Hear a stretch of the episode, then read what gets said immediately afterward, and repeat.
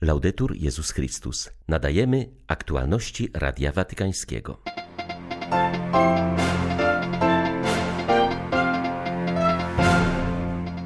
Boże Narodzenie rozbrzmiewa radością i pokojem. Hierarchowie kościołów wschodnich zapowiadają święta Bożego Narodzenia w swoich tradycjach.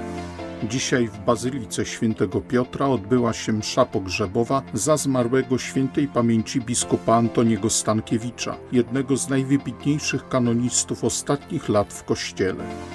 Tysiącom uchodźców, którzy znaleźli prowizoryczne schronienie w Bośni i Hercegowinie, grozi katastrofa humanitarna. 5 stycznia witają Państwa ksiądz Krzysztof Ołdakowski i Łukasz Sośniak. Zapraszamy na serwis informacyjny. Pojutrze uroczystość Bożego Narodzenia będą obchodzili chrześcijanie tradycji wschodniej. Katolicki patriarcha koptyjski Aleksandry Ibrahim Sedrak w rozmowie z rozgłośnią papieską stwierdził, że Boże Narodzenie oprócz wymiaru świętowania tajemnicy wcielenia i przyjścia Syna Bożego na świat niesie w sobie zaproszenie skierowane do każdego z nas – aby odrodzić się w Chrystusie, a także pogłębić swoje relacje w rodzinie oraz w otoczeniu. Zaprasza, żeby pomyśleć szczególnie o potrzebujących. Jako chrześcijanie jesteśmy ludźmi nadziei i powinniśmy iść z ufnością naprzód niezależnie od pandemii COVID-19. Patriarcha dodał, że Boże Narodzenie obdarza pokojem i radością, niesie wezwanie do wyjścia w stronę innych, aby umacniać relacje w rodzinie oraz w środowisku życia. Patriarcha odniósł się także do tematu wojen, które wciąż niepokoją ludzkość. Współczesne wojny nie dokonują się jedynie poprzez walkę zbrojną. Broń nadal jest w użyciu z powodów ekonomicznych, aby zarabiać pieniądze. Oczywiście ofiarą jest zawsze człowiek. Wojny dokonują się także pomiędzy konkretnymi osobami, kiedy tracą one wzajemne porozumienie. Człowiek, który gubi znaczenie swojego życia, jest w stanie wojny. Są to wojny, które wychodzą z ludzkiego serca, z wnętrza osoby ludzkiej. Wtedy, kiedy człowiek gubi sens swojego życia. Nie chodzi tutaj jedynie o wojny stanowiące zagrożenie dla świata, bo wojna ma miejsce wtedy, gdy człowiek nie bierze pod uwagę wartości ludzkich, najgłębszych wartości duchowych, kiedy myśli, że życie polega jedynie na jedzeniu i podróżowaniu po świecie.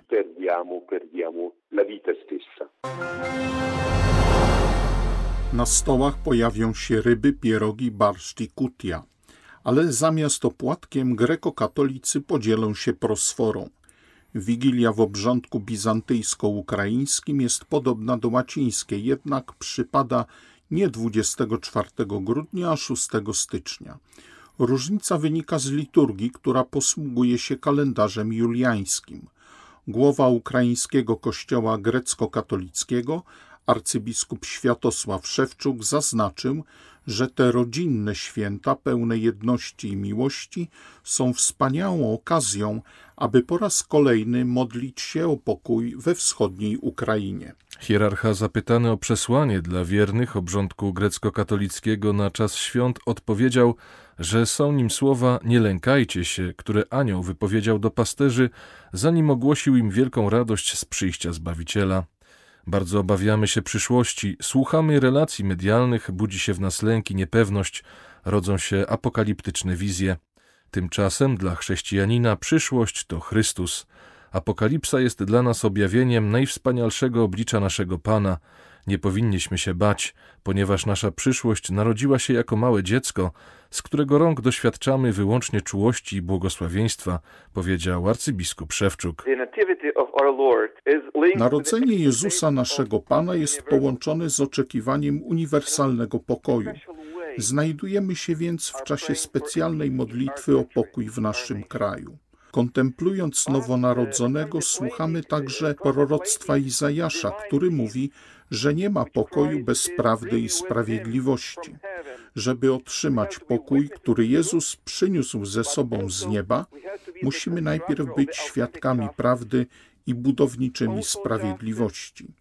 Chodzi o sprawiedliwość w naszym kraju, ale także w stosunkach z sąsiadami. Sprawiedliwość jest fundamentem ludzkich społeczeństw i całej rodziny ludzkiej. Dlatego módlmy się o pokój, ale zarazem starajmy się, aby być świadkami prawdy i współpracować na drodze budowania prawdziwej sprawiedliwości w naszym świecie. W Bazylice Świętego Piotra przed ołtarzem katedry odbyła się msza pogrzebowa świętej pamięci biskupa Antoniego Stankiewicza. Ten zmarły w Rzymie polski hierarcha był jednym z najwybitniejszych na świecie znawców prawa kanonicznego i wieloletnim dziekanem roty rzymskiej.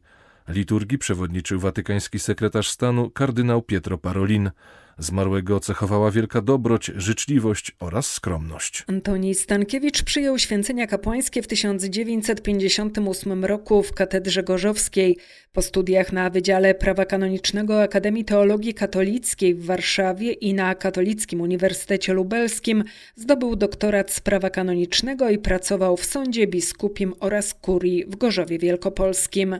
W roku 1967 został skierowany do Rzymu, gdzie ukończył studium Trybunału Roty Rzymskiej i obronił doktorat z prawa cywilnego na Papieskim Uniwersytecie Laterańskim. W 1969 roku ksiądz Stankiewicz rozpoczął pracę w Trybunale Roty Rzymskiej, a w latach 2004-2012 był dziekanem Trybunału. W międzyczasie prowadził wykłady na Wydziale Prawa Kanonicznego Papieskiego Uniwersytetu Gregoriańskiego. W roku 2006 został wyświęcony na biskupa. Jako wykładowca był ogromnie ceniony za swoją szeroką i dogłębną wiedzę, którą zawsze przekazywał z wrodzoną sobie skromnością i życzliwością. Coraz bardziej dramatyczna staje się sytuacja uchodźców, którzy szukają schronienia na Bałkanach. Region znajduje się na krawędzi ogromnej katastrofy humanitarnej. Przestrzega przed tym Caritas Włoch, apelując o niezamykanie oczu na los tysięcy migrantów, którzy znaleźli prowizoryczne schronienie w Bośni i Hercegowinie. Co najmniej 1200 osób żyje w dramatycznych warunkach, po tym jak niedawno spłonął obóz dla uchodźców w miejscowości Lipa. Mimo temperatur spadających poniżej zera, Całe rodziny koczują na ulicy, czekając na odbudowę spalonego obozu. Ta sytuacja jest wyrazem prawdziwego barbarzyństwa. Los tych ludzi nikogo nie interesuje, alarmuje Daniele Bombardi, który z ramienia Caritas Włoch nadzoruje sytuację na Bałkanach. Stawiane są w tym miejscu nowe namioty, co według nas jest przeraźliwym rozwiązaniem, ponieważ jeszcze przed pożarem sytuacja w tym obozie była tragiczna. W najbliższym czasie nie ma mowy o tym, by zapewnić tym ludziom dostęp do prądu, bieżącej wody czy podstawowego ogrzewania. Uchodźców czekają długie miesiące w zimnie, które zagraża ich życiu. Szlakiem bałkańskim uciekają przede wszystkim ludzie z Bliskiego Wschodu.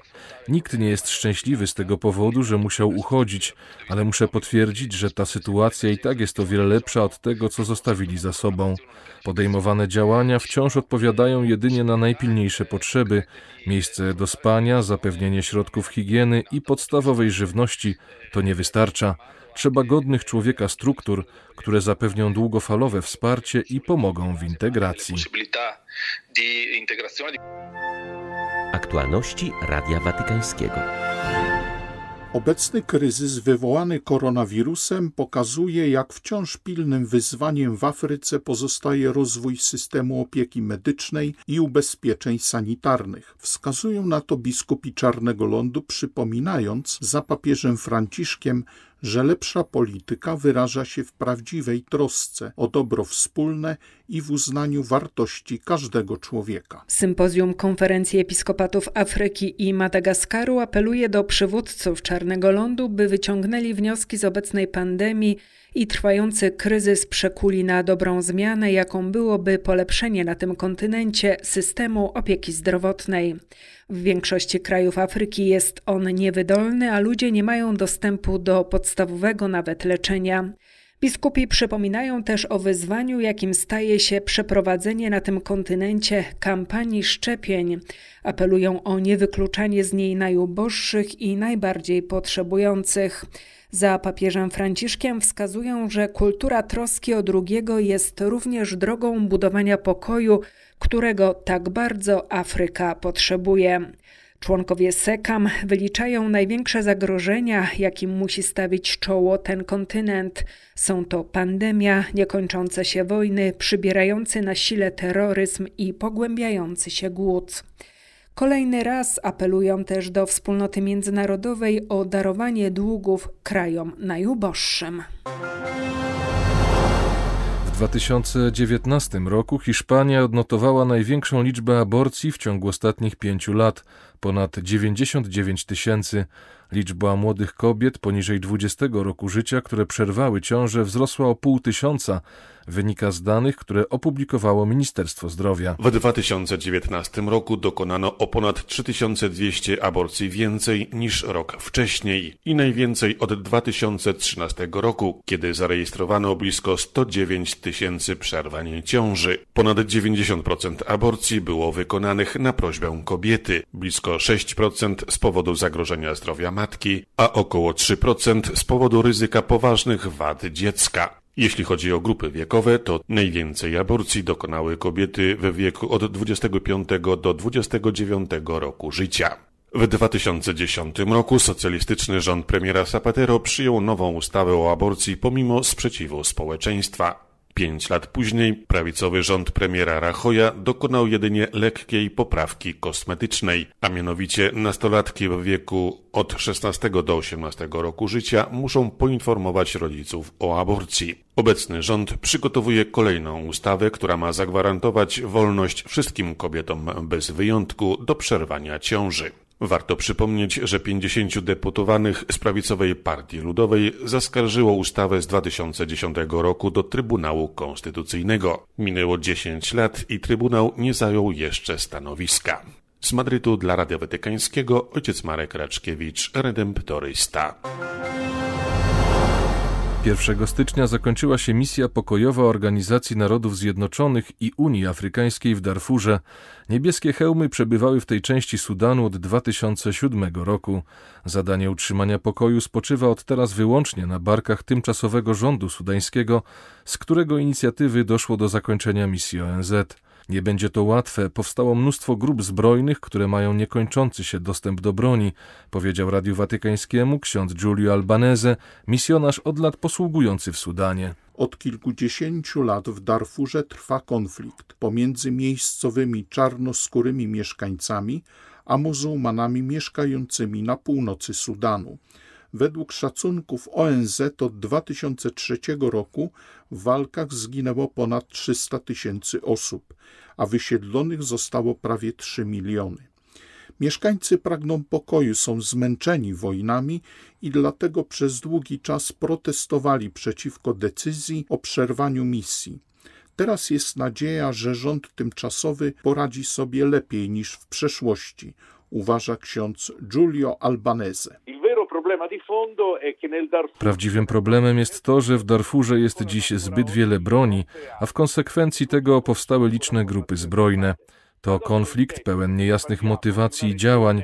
Jedno jest w tym wszystkim pewne: w tej wojnie wiele istnień spłonęło na ołtarzu ludzkiego egoizmu. To przecież kraj paradoksów. Rozmawiamy o regionie bogatym w ropę naftową, w którym ludzie mogliby żyć w bogactwie i dobrobycie, którego teraz tam najbardziej brakuje.